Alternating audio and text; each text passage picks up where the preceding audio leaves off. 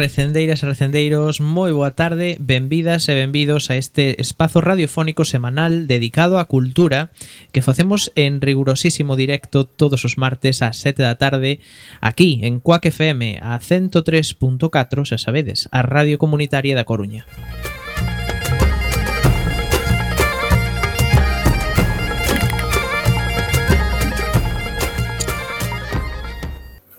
A Agrupación Cultural Alexandre Bóveda presenta este programa que podedes escoitar en directo a través da internet na páxina da emisora coacfm.org barra directo e tamén na aplicación móvil. E se non chegastes a tempo, non tendes excusa, compañeiras. Podes descargar todos os programas xa emitidos en Radioco, o megapodcast da nosa emisora, ou tamén podes escoitalo na redifusión, que será os mércores ás 8 da mañá, os venres ás 4 e na madrugada do domingo ao luns ás 12 da noite. E a partir de agora seguídenos nas redes sociais tanto deste programa recendo como da propia agrupación cultural Alexandre Bóveda, que ten abertas as súas canles en Instagram, Twitter e Facebook ou na web www.acalexandrebóveda.gal. Música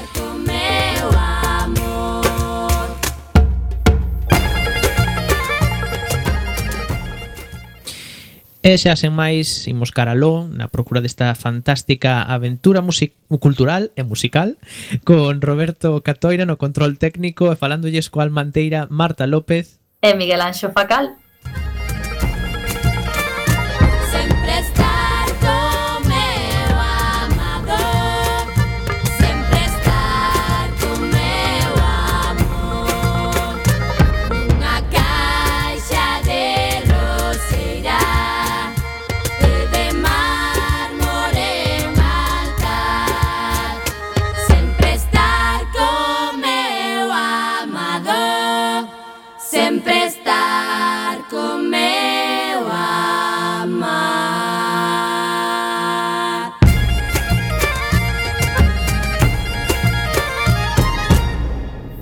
Este é o programa número 361.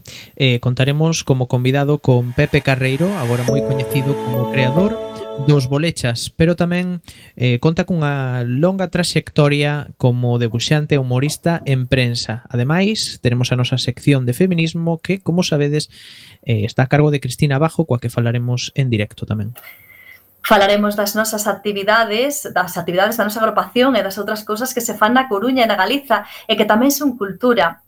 En canto á música de hoxe, xa que estamos ás beiras do Nadal, habrá que poñer música destas datas. E na Galiza temos un patrimonio moi rico nese eido. Oxe, a primeira peza é moi especial porque está composta por un amigo cuáquero que é Samuel Bujía e a peza titulase O teu Nadal, que ademais eh, pois reúne a moitos dos mellores cantantes galegos. Espero que vos goste. Música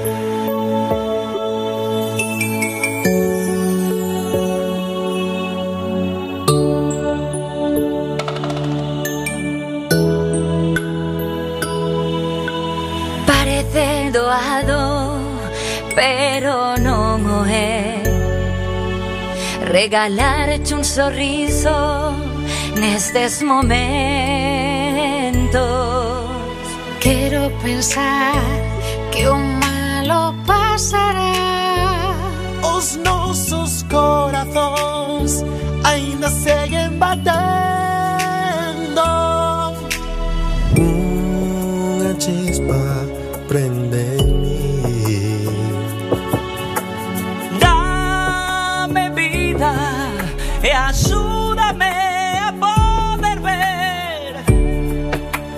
same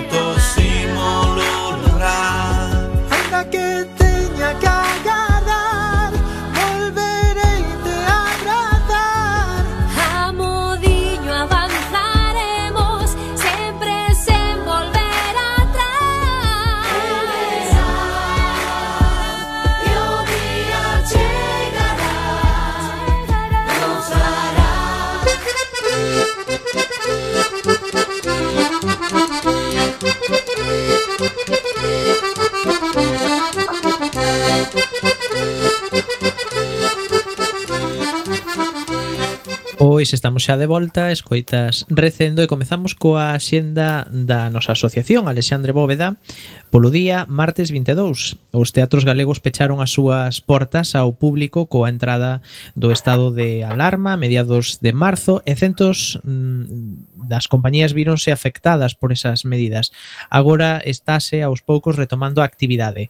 Para debater sobre a situación actual e propostas de futuro, xuntaremos a Inma Antonio, presidenta da Academia Galega de Teatro, María Torres, vicepresidenta de Escena Galega, Eva Forneas e Sara Fandiño, vogais da Asociación de Actores e Actrices de Galiza e Isabel Risco, da Asociación Cultural Alexandre Bóveda. Coordina e modera Miguel Perna. Será hoxe martes 22 ás 8 da tarde no noso local da Rúa Olmos, 16-18 primeiro, para poder asistir eh, compre que vos inscribades na nosa web.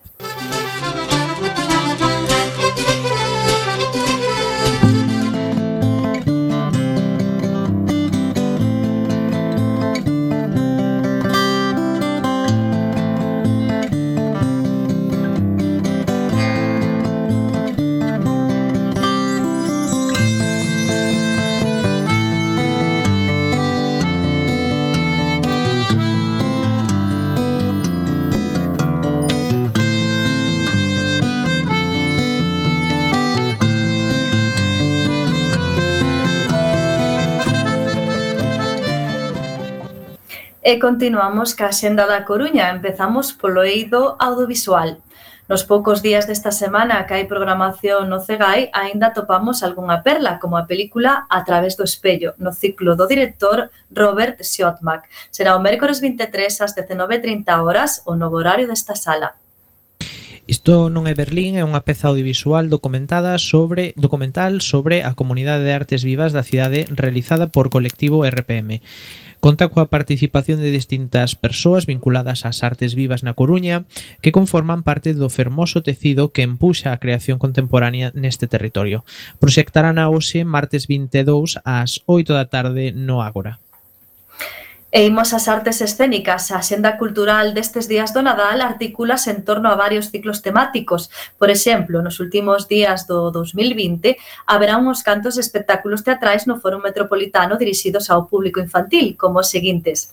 O sábado 26, ás 18 horas, Tolidlates, to, tolid, Tolitates de Teatro Marionetas Trécola, jolín, non me salía. O domingo 27 ás 18 horas o Lobo e a Lúa de Baobab Teatro. O luns 28 ás 18 horas a Árbore Vermella de Os Náufragos. O martes 29 ás 18 horas tamén a verdadeira historia do Ratiño Pérez de Teatro Plus. E o mércores 30 ás 18 horas tamén a Familia Unida de Micromina Teatro. O outro ciclo que está dinamizando e protagonizando o mes de decembro na nosa cidade chamase Cultura a Cuberto. E nos vindeiros días temos os seguintes eventos tamén no Foro Metropolitano. Martes 22 ás 8 da tarde asintomáticos da compañía Pérez eh, Fernández. E o mércores 23 ás 8 tamén Dols, as miradas das que sobran de José Losada e Xosé Leis. En canto á música, do Nadal aos Reis, Cantos de Galicia e Portugal é un concerto temático sobre a tradición musical nas festas de Nadal de Galicia e de Portugal. O galego Ariel Ninas e os portugueses Catarina Moura e César Prata cantan e tocan diversos instrumentos como a zanfona, guitarras, dulcimer, adufe, armónica e percusións. Este concerto será o mércoles 23 ás 20 horas no Teatro Colón. O concerto de, de Pedro titulado Érase unha vez e orientado a público familiar tivo que ser cancelado po, no seu día polas restriccións sanitarias. A ver se temos sorte a segunda. Será o domingo 27 ás 12 media no Teatro Colón. E rematamos cas exposicións. Temos un par delas que se inauguraron hai pouco e que poderán verse ata mediados de xaneiro. Así que son unha magnífica opción para as vacacións do Nadal. Fisterra de Chelo do, xa, do Xastre é unha mostra fotográfica de paisaxes e retratos, sobre todo en escenarios mariños podedes vela na Casa Museo María Pita ata o 10 de xaneiro. Por outra banda, un mundo que sofre baixo un manto de flores é unha mostra actual da realidade artística coruñesa, Podedes vela no quiosco Alfonso e no Palexco ata o 24 de xaneiro.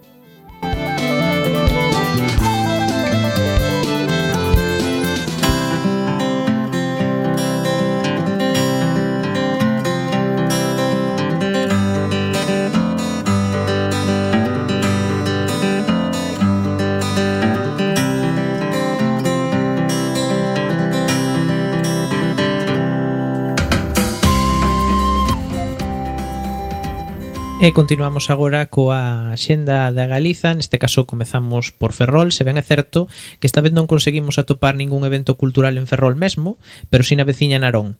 Astronauta Sideral é o título do último disco de Uxía Lambona e a banda Molona Que recolle os clásicos populares galegos dándolle o seu toque particular Pasando polo ska, o reggae, klezmer, a cumbia, o tango. Actúan o domingo 27 ás 6 da tarde no Pazo da Cultura de Narón e pegamos un chimpo a Lugo polo Correo do Vento é un colectivo especializado en actividades pensadas para o público máis novo, co fin de promover a lectura, a comprensión oral en galego e o desenvolvemento da creatividade e expresión artística do público infantil. Nesta actividade, Protexendo o Camiño, o Camiño Francés, desenvolve esa temática didáctica do Camiño de Santiago de forma lúdica. Actúan o luns 28 ás 18 horas na Biblioteca Pública. En Ourense hai un interesante ciclo de teatro infantil no teatro principal. O sábado 26 ás 5 actúa Pedras de Cartón con Lázaro de Tormes. O luns 28 ás 5 tamén faino Viravolta Títeres con contos ao pé da cama. O martes 29 ás 12 Caramuxo, teatro con 4 e remato mércores 30 cultura activa con dous no camiño. E imos a Vigo, Paco Nogueiras e o seu proxecto Brinca Vai presenta Daqui a Acolá, un novo feixe de cancións, animacións e interpretacións co ritmos máis divertidos. Actúa o martes 29 ás 18 horas na Biblioteca Pública Juan Compañel. En Pontevedra, o mago galego Pedro volta a presentar a quinta gala internacional de ilusionismo Galicia Magic Fest. Os mellores e máis premiados magos do mundo chegan a Galiza para deixarche coa boca aberta. Actúan o martes 29 con sesións ás 6 da tarde ás 8 e media na sede da Fundación. E subimos a Santiago. A recoñecida e premiada narradora oral Sole Felloza contará cun conto típico de Nadal acompañada do cuarteto de cordas Ensemble Concert Art, que falará as delicias dos pequenos e pequenas e dos que non son tanto. Isto será o Luz 28 ás 18 horas no Museo Centro Gaiás e hoxe como vila convidada mencionamos a C eh, xa sabedes que parece que nestas datas son habituais os ciclos de espectáculos para os máis picariños e en C tamén. O domingo 27 Maxia con Abaxar Produccións o lunes 28 Teatro con A Xanela do Maxín e o martes 29 Maxia de novo co Mago Deimi todas estas obras serán na Casa da Cultura a 6 da tarde.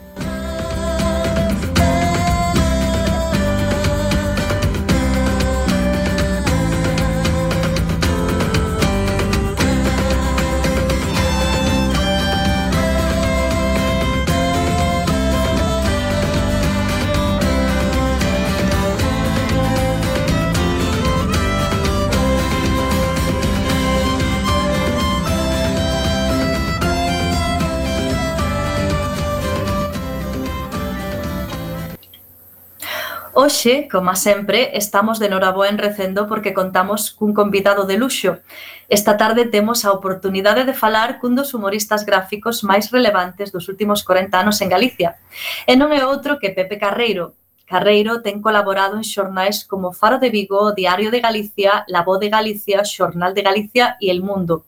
A súa colaboración coa Voz de Galicia durante os anos de presidencia da Xunta de Fraga son un feito insólito, tanto polo seu humor crítico cargado de vitriolo como polo feito de que fosen publicadas por un medio tan afecto ao poder como La Voz de Galicia. Dende 2009 non podemos gozar das tiras de Pepe Carreiro nos xornais diarios de Galicia, pero ainda podemos disfrutar do seu traballo en publicacións como tempos novos ou a trave de ouro. Ademais de humorista gráfico, Pepe Carreiro tamén se dedica ao deseño gráfico e a publicidade dentro do seu estudio de Vigo. Ademais tamén foi responsável das revistas de humor centradas na política como Can Sendono, publicación que estivo en activo durante 10 anos cunha periodicidade cambiante, e Xo, con pouco máis dun ano de vida. Pepe Carreiro tamén se dedicou ao cómic, coas súas aventuras dos barba... súas son as aventuras dos barbanzóns, unha serie de cómics ambientada na Idade de Ferro, eh, que ten como principal localización o famoso Castro de Baroña. Dos barbanzóns xurdiron os pequenos barbanzóns, neste caso as aventuras están máis enfocadas ao público infantil e juvenil. Seguramente é entre o público infantil onde Pepe Carreiro acadou a súa maior popularidade, pois ele é o creador, nada máis máis e nada menos que dos Bolechas, unha familia que foi quen de vender máis de eh, millón e medio de exemplares, así como de chegar aos fogares de toda a península grazas á súa serie de monicreques para a televisión. Sen máis dilación, saudamos a Pepe Carreiro, que xa está aí conectado. Moi boas tardes, Pepe. Hola, que hai? Bueno, Pepe, para comezar, como che gusta que se defina a túa profesión? Como ilustrador, debuxante ou como diseñador gráfico? pois eh, sen dúbida como debuxante. Eh, o de debuxante foi eh, unha denominación que utilizamos sempre os da miña xeración e os anteriores tamén, e despois aproximadamente cando eu tiña uns 30 anos, eu traballaba en publicidade, como acabas de dicir, ou se traballo menos, eh, empezou a aparecer o de diseñador gráfico e o de ilustrador. Antes éramos dibuixantes e facíamos de todo, facíamos publicidade, ilustración, un pouco de todo. Mm. Eu prefiro ser crees... dibuixante. Mm. E crees que hai algunha diferenza entre ilustrador e debuxante? Eu creo, creo que hai unha fundamental. O, por eso eu me considero debuxante porque ilustrador mm, é eh, un traballo accidental en apoio dun texto onde o, polo menos se considero así, non? onde o texto é a peza fundamental e, o, e a ilustración é complementaria. Cando vai adicado a nenos mi pequenos, entón pode ter máis peso a, a ilustración, neste caso, pois, o que sería accidental sería o texto, pero normalmente o, a ilustración xoga sempre un papel eh, eh complementario, como foi xa, incluso de tempos medievais. Non? Uh -huh. En cambio, o de Busante, eh, sobre todo o dibuixante humorístico, pois eh, concibo o mundo el mesmo a través do debuxo, aínda sen texto, non? E podes facer un, un debuxo, como, como fixo, pois, por exemplo, a Goya, e poñerlle un, un texto, se quería ou non, eso é suficiente para comunicar algo, non? Ou un dibuixo abstracto, como pode ser un dibuixo de Kandinsky, que, que non ilustra nada, é el o, o, o centro, o, o centro da, do que se quere expresar, non? Entón, eu prefiro me chamar, por nos intento ser, ser debuxante, ainda que non, non consiga. Eh, como chegaste a esa conclusión de que ti querías gañarte a vida como debuxante? Pois eh, non foi unha non foi unha unha cousa plantexada de decir, pois mañá sábado voume facer debuxante, eh, senón que foi unha vocación dende dende neno, dende os primeiros anos, eu, eu lembrome sempre debuxando eh, pero sempre como afección. Eh, nunca, bueno, sí, fixen sempre linteveos, dibuixei na casa, pero nunca pensándose profesional. Ainda que cando andaba pola adolescencia, empecé a contactar coa editorial Bruguera, que era que, a que publicaba a Mortadelo e Filemón, Zipizape, eh, que a min eu era un gran lector de todos estes personaxes, pasei moi ben con todos eles na miña infancia, Entón, si aí empecé a pensar en colaborar, pero non tanto como profesional, senón porque me divertía a debuxar como me siga de, a, a gustar hoxe, non? E, e de feito, cheguei a contactar con eles cando tiña uns 14 anos, eh, mandaron un guión para, para ilustrar sobre unha aventura do oeste, pero eh, non, eh, non, eh, non, non tiña capacidade para eso, e, eh, bueno, recomendaronme que seguise estudando e foron mi correctos, non? E despois, mm, aos 16 anos aproximadamente, apareceu un, un anuncio no, no Faro de Vigo pedindo dibuixantes publicitarios.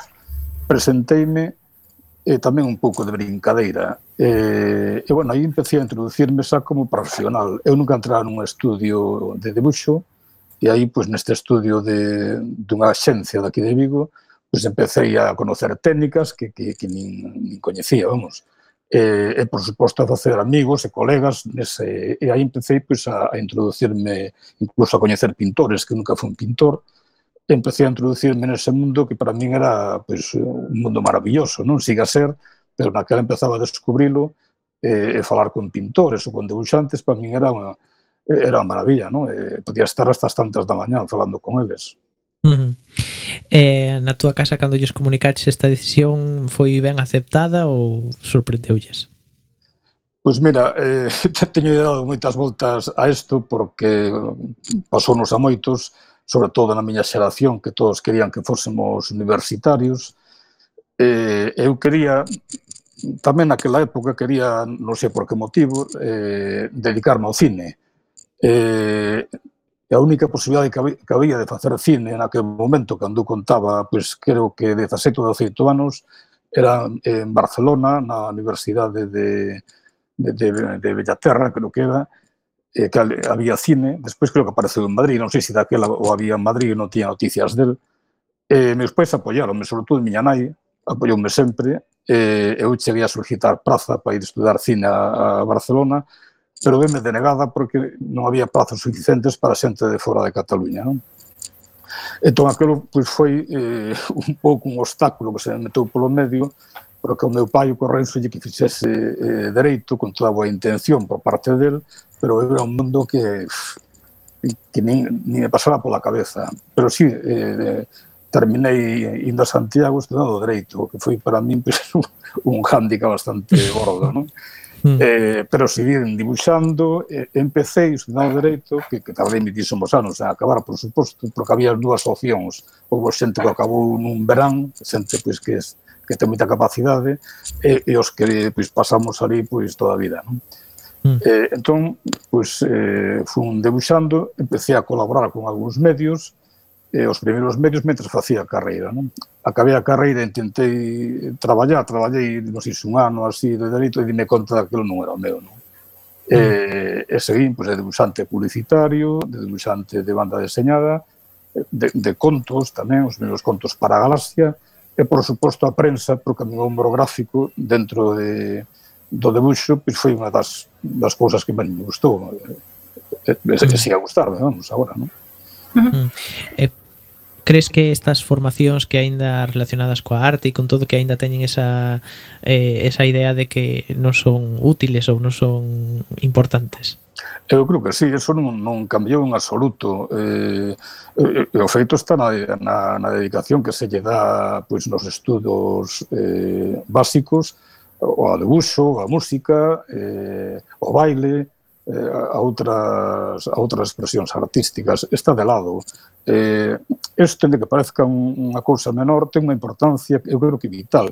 Eh, aquí en Vigo, por exemplo, onde eu vivo, estamos a padecer eh, un, unha serie de intervencións na cidade Quix, que xa se ten comentado moito, isto eh, é, é insufrible, é insufrible para unha persona, para unha persona que teña un, un mínimo de, de, non sei, de sensibilidade, En cambio, é apoiado todo este circo que están montando aquí eh, mayoritariamente, que sou é peor, porque se fose unha cousa, unha cosa do alcalde que está neste momento, pois ao mellor dentro de 4 anos tiñamos a sorte de que non seguise.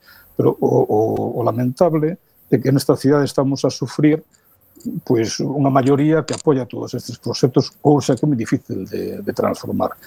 Pois isto, penso eu, se houvese unha formación cultural eh, boa, eh, mínima, básica, eh, a xente pues, tería un sentido crítico e non aceptaría, por exemplo, pues, esta carnavalada que estamos a sufrir todos os nadais aquí en Vigo, non? e outras cousas peores. Vamos.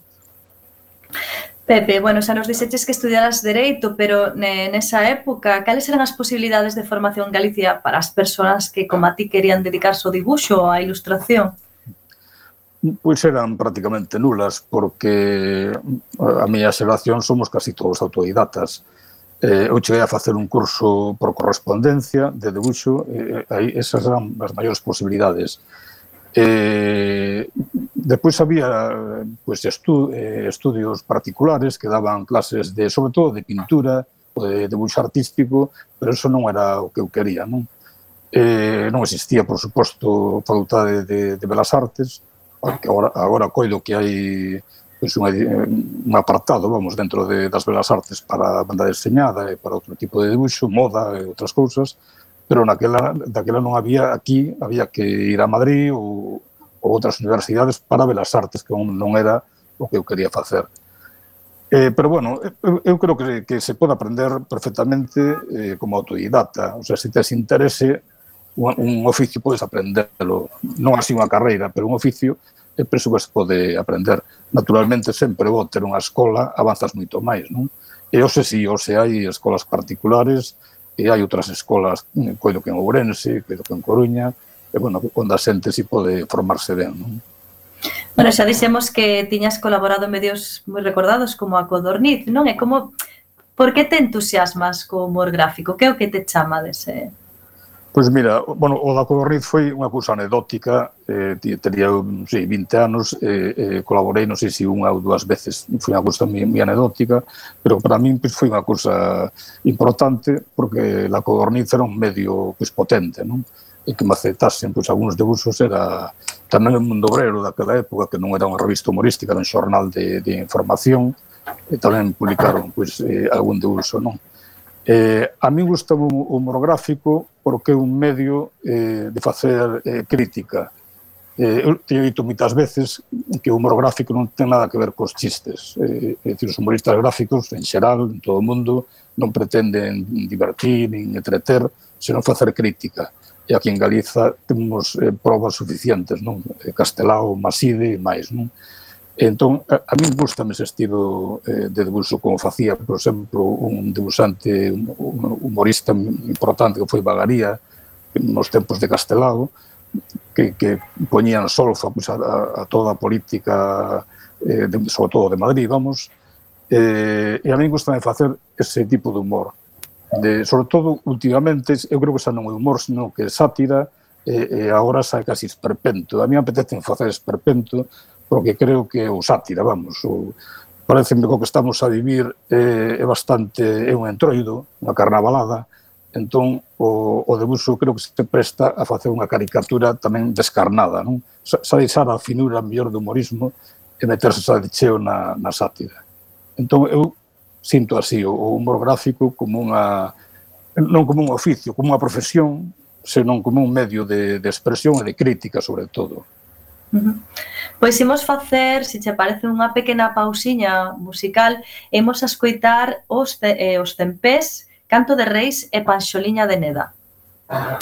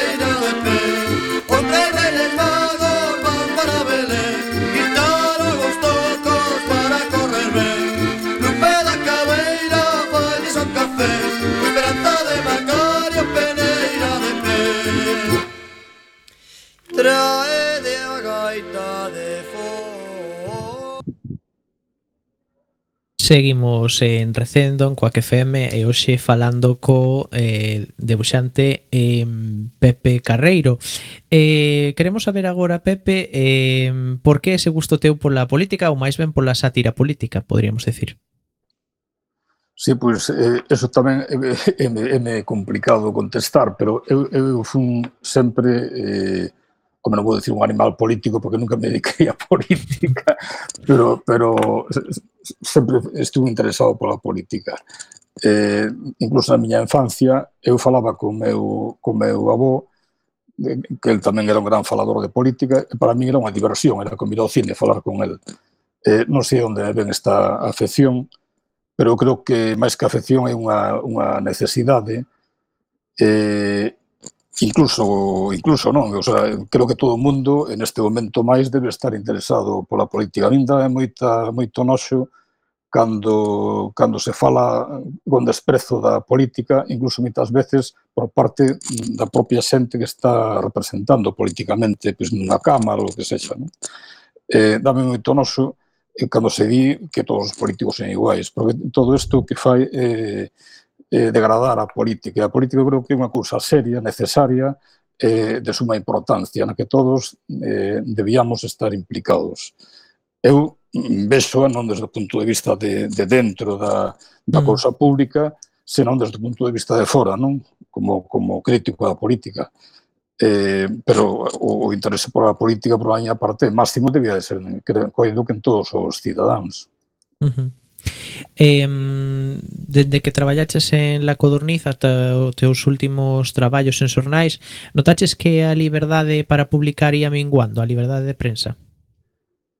eh, a liberdade de prensa nos primeiros primeiros anos eh, era era nula ou prácticamente nula cando eu tiña mm, pois eso 17, 18 anos porque foron as, os últimos extractores do franquismo Eh, a partir dai, na época da transición, eu creo que comparado con hoxe, só ten dito moita xente, eh, era pois unha especie de, de paraíso. Eh, eu cheguei a publicar, en, en, como antes dixestes, en varios eh, xornais, eh, o que hoxe publica, o que publicaba daquela, por exemplo, na Voz de Galicia, como comentabades, hoxe sería imposible publicalo non só na prensa galega, senón en, en todos os xornais do Estado. Non? Eh, ainda así, eu na voz de Galiza tiven que abandoneina porque quixeron censurar, depois de 4 anos publicando, quixeron censurar un debuxo por, por considerar eu que o, daquela estaba a Guerra do Golfo nativo, por considerar que, que, que toda a coalición internacional, a que estaba Felipe González e, e to, outra xente seria, pois comparaba eses ataques que estaban a facer sobre a poboación civil como o terrorismo que tanto deostaban eles, non? Eh, eso parece que foi que foi xa o, o, o máximo que puden chegar, eh, entón xa chamáronme que eu cambiaba o debus, este tipo de debusos, o que eh, marchei, non? Despois eh, estiven publicando na, na edición galega, bueno, galega de Galicia, que estaba a redacción en Santiago, del Mundo, eh, coido que estaba de, de director Pedro J, eh, e a edición en Galicia de El Mundo era unha especie de illa dentro do outro El Mundo que era un periódico que chegou a ser, eu chamo de golpista, era un periódico bastante reaccionario. Non? En cambio, esa especie de illa que era, que era en, eh, El Mundo en Galicia, onde pues, colaboraba, traballaba xente, vamos, que despois estuvo en un público, por exemplo, non? con Manuel Rico, eh, É unha especiadilla, entón, debeu ser que chamou moito a atención de Fraga, que estaba daquela eh, na xunta, e cambiaron o director. Entón veu un director, coido que, que de Valladolid, que era onde se imprimía daquela el mundo, eh, unha das primeiras medidas que tomou, aparte de cambiar a redacción, foi chamarme tamén eh, con moi boas palabras que cambiase o tipo de dibuixo e ao final pois, tamén tuve que abandonar el mundo chimparome. Non? Eh, isto foi a censura eh, que existiu sempre e hoxe, para min, que, que, que levei moitos anos publicando, pero a partir dai dunha serie de, de medios que me foron cortando, hoxe para min sería imposible publicar na prensa diaria. E a prensa diaria para, para un humorista gráfico creo que é vital.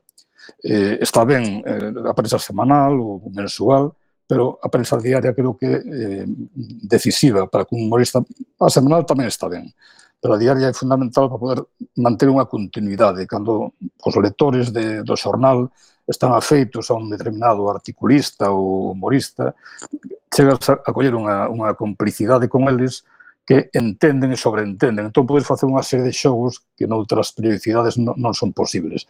Pero xa digo, se para min é imposible, ou calquera humorista gráfico que non sexa chistoso, que queira facer humor como é debido, ou se faise moito, moito chiste, eh, non se pode facer outra cousa, pero parece mellor non publicar, porque isto, como digo, non é unha, non é unha profesión, o humorista gráfico é outra cousa, eh, non é que sea sagrado, pero creo que non se pode vivir diso, pois se vives diso, tes que baixar a orella, e, e non, o humor non é para baixar a orella, é para outra cousa. Mm. Eh, este foi un isto que vimos comentando, foi un dos motivos polos que creaches publicacións como Can, Sendono e Xo. Pois, sí, o eh, Can Sendono, eh, a idea surdiu porque queríamos ter un medio onde publicasen todos os humoristas tivesen a, a tendencia que tivesen.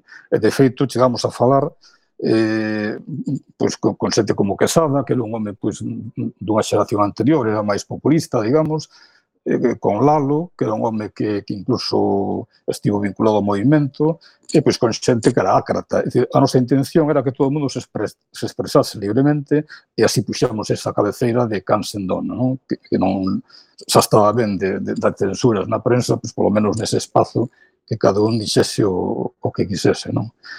E, e así foi, ali publicamos pues, prácticamente todos os humoristas gráficos que había naquele momento en Galiza, publicamos en Calcendono, e eh, algúns literarios tamén, menos, tamén literarios.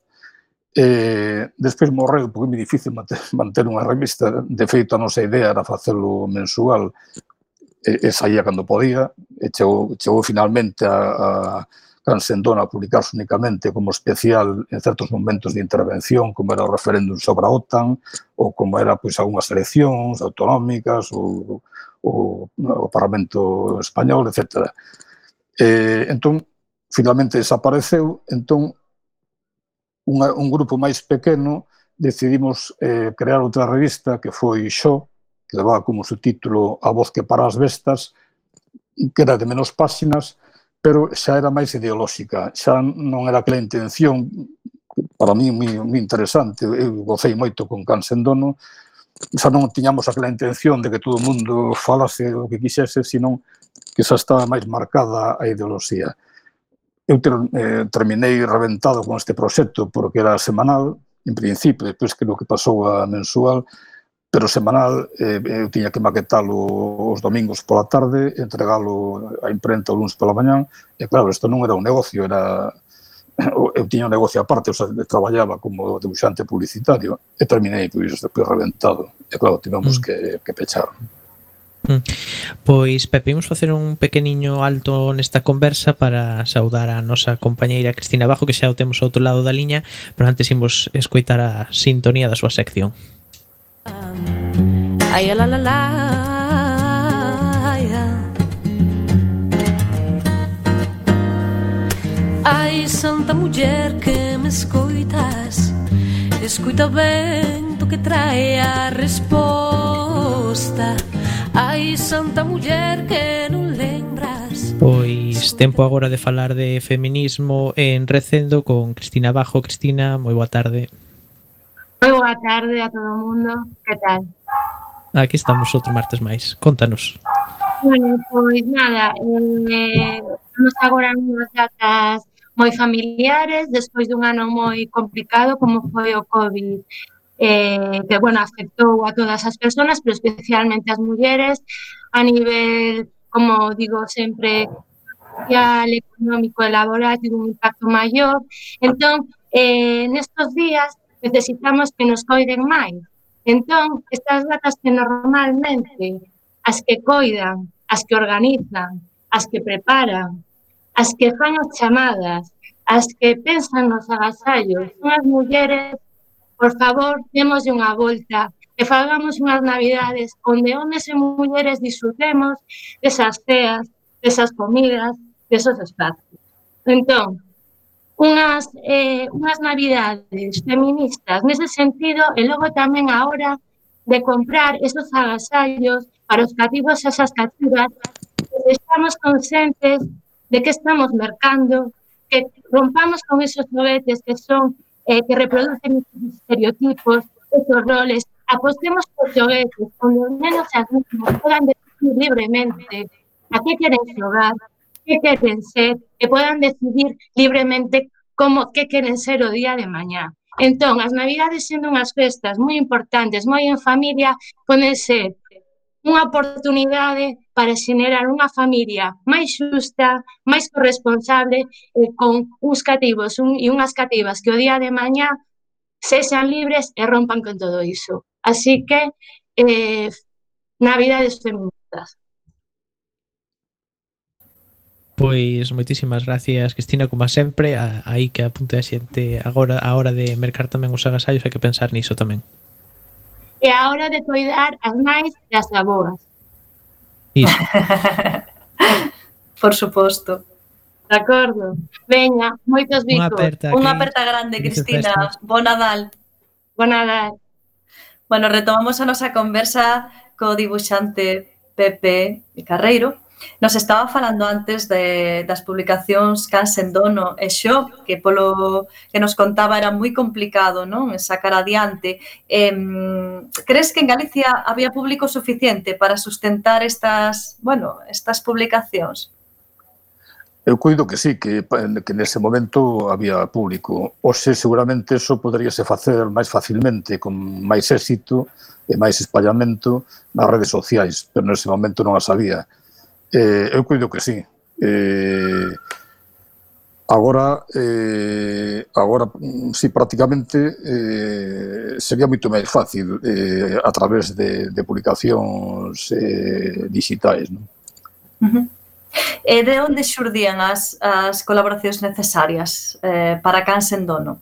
As colaboracións, en caso de Cansendono, eh, foi porque eu, que, que fixe moitas xestións, eh, xunto con Gogue, outro humorista gráfico, e, eh, facíamos pois, chamadas a, a xente que víamos nos periódicos colaborando, como por exemplo Forxán, que era un home bastante maior que nós, que publicaba na Voz de Galicia, e, e bueno, pois foi a través de chamar a redaccións, depois conseguir teléfonos particulares, a Quesada o mesmo, que colaboraba co Faro, eh, Lalo me parece que colaboraba co Atlántico, eh, eh, bueno, pois a través das redaccións. Despois eh, había xente que non publicaba en xornais, en cambio que a través de contactos de, de falar, pois íamos coñecendo.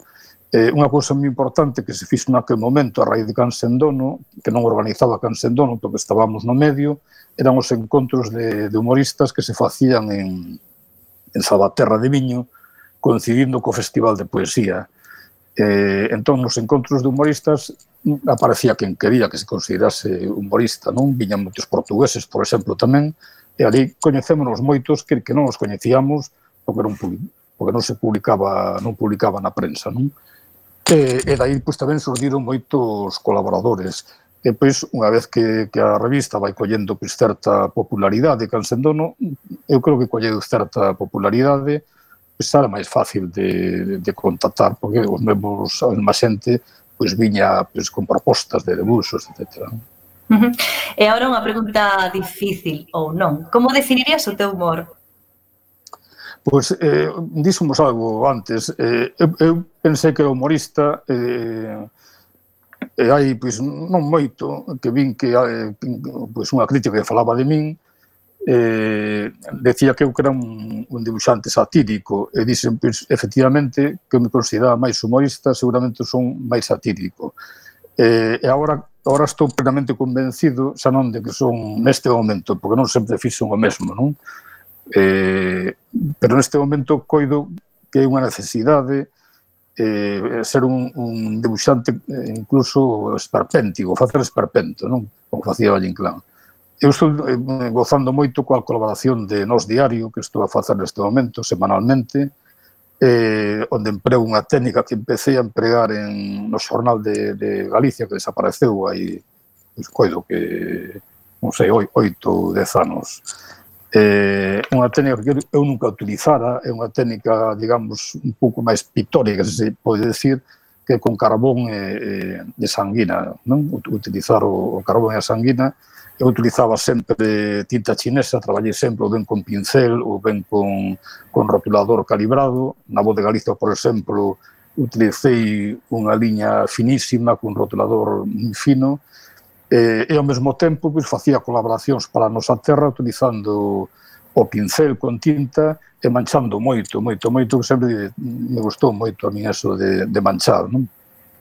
E agora pois, descubrí, probei, intentei, non? para non facer sempre o mesmo, e tamén a vez tes esa necesidade de e, eh, e agora estou intentando buscar o que vos estou a decir, facer algo de esperpento, sobre todo porque a situación non se presta a andar con moitas, con moitas finuras, non?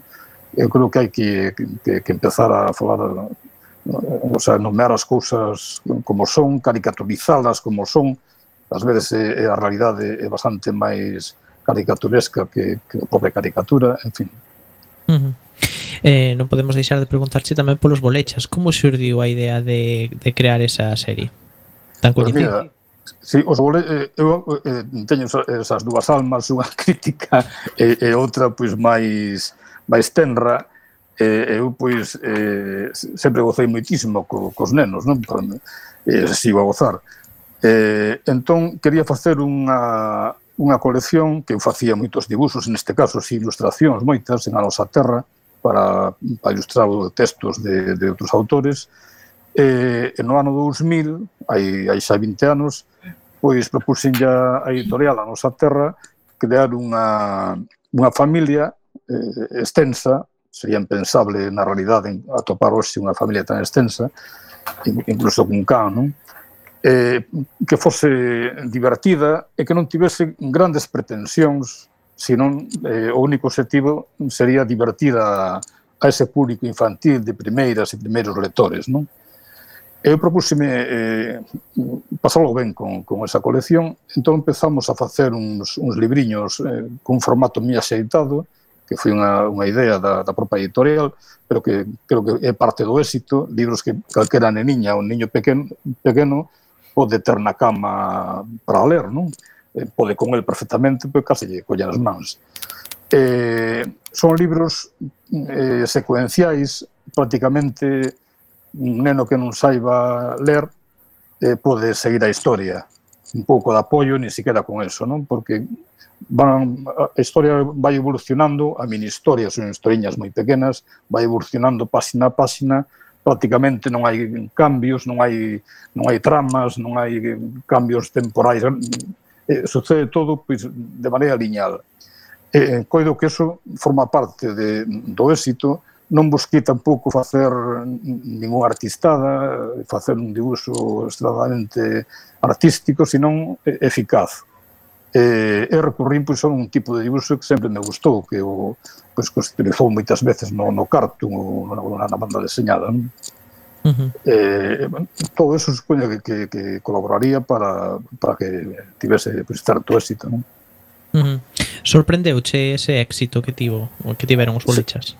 Sí, sí porque isto non, non é unha cousa que se poda calcular. A veces eh, teño feito cousas, pois por exemplo, que antes falábamos de dos pequenos barbanzóns, fixno con bastante máis cálculo e non funcionou no seu motivo, eh, pode ser por moitas cousas, non mesmo pola distribución, moitas cousas, pero non funcionou.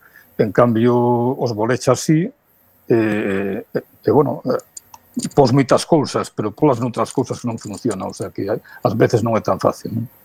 Uh -huh. Bueno, os meus sobrinhos son os fans incondicionais dos bolechas, eh? Son pequenos. Bueno, un xa non, xa ten 18 anos, pero desde pequeniño eu lle regalei moitísimos, moitis, bueno, e os pais e os outros dous que teñen agora 11, van para 11, 10, Tamén, sí, a verdade é que sí, gustan moito, eh? Pois grazas. eh, ti falas a miúdo cos lectores dos, dos bolechas ou Sí, eh, agora menos porque teño tanto traballo que non, non podo facer mitas saídas, pero houve anos en que percorrí en Galiza inteira de colexio en colexio. Uh eh, bibliotecas tamén, entón si sí, falei moitísimo co, cos nenas e nenos, eh, bueno, incluso me mandaban cartas, eh, e teño anécdotas eh, moi bonitas con eles, e teño incluso unha anécdota bastante dura, que non é para contar, de, de cousas pois, pois tristes que pasaron. Non? De algunha anécdota máis eh, agradable que queiras compartir? Pois mira, teño contado máis veces das primeiras que, que xurdiron foi aquí cerca de Vigo, en Redondela, eh, un, eran nenos mi pequeniños, supoño que de tres anos, de infantil, eh, e facían como unha especie de festa, eh, don, onde os bolechas pois, eran os protagonistas desa festa, con petiscos, é un neno pois trouxome para a chispa eh, penso de, de cans, non comida para cans. E trouxome pois, unha presa de comida para que lle levas a chispa. Supoño que, que pensaría nesa confusión que teñen os tan pequenos entre a realidade e a fantasía, non? Que tenro.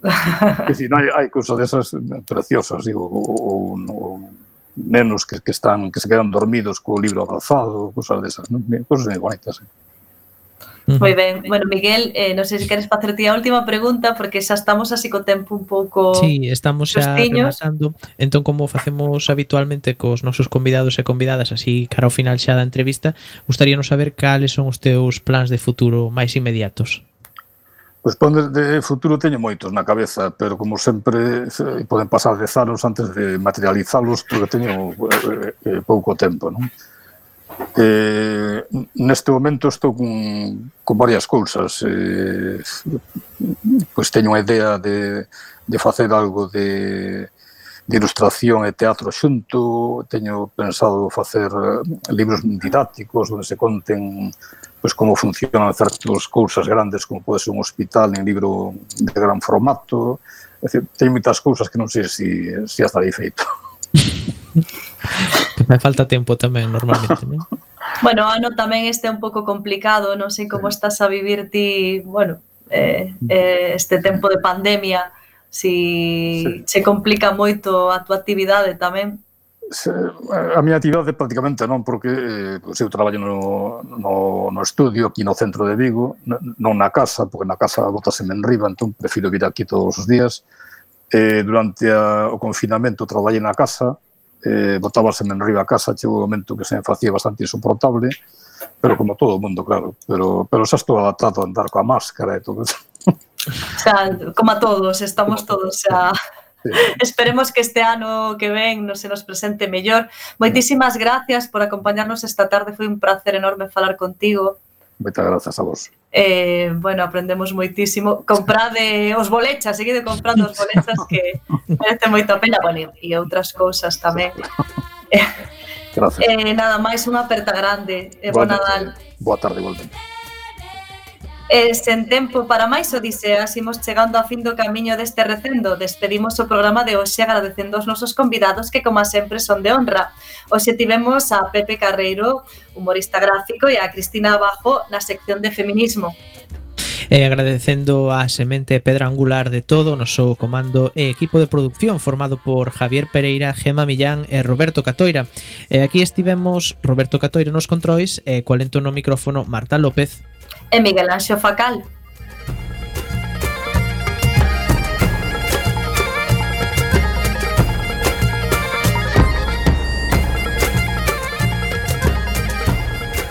acompañándote neste recendo de palabras e de imaxes radiofónicas que nos traen este aroma cantando na, na nosa lingua e que nos permite hoxe tamén no futuro a permanencia da palabra, da música, da implicación e o compromiso coa nosa nación, a Galiza. Ato vindeiro martes ás 7 da tarde. Bueno, en realidade non é o vindeiro martes, será despois das eh, do Nadal, xa será en xaneiro.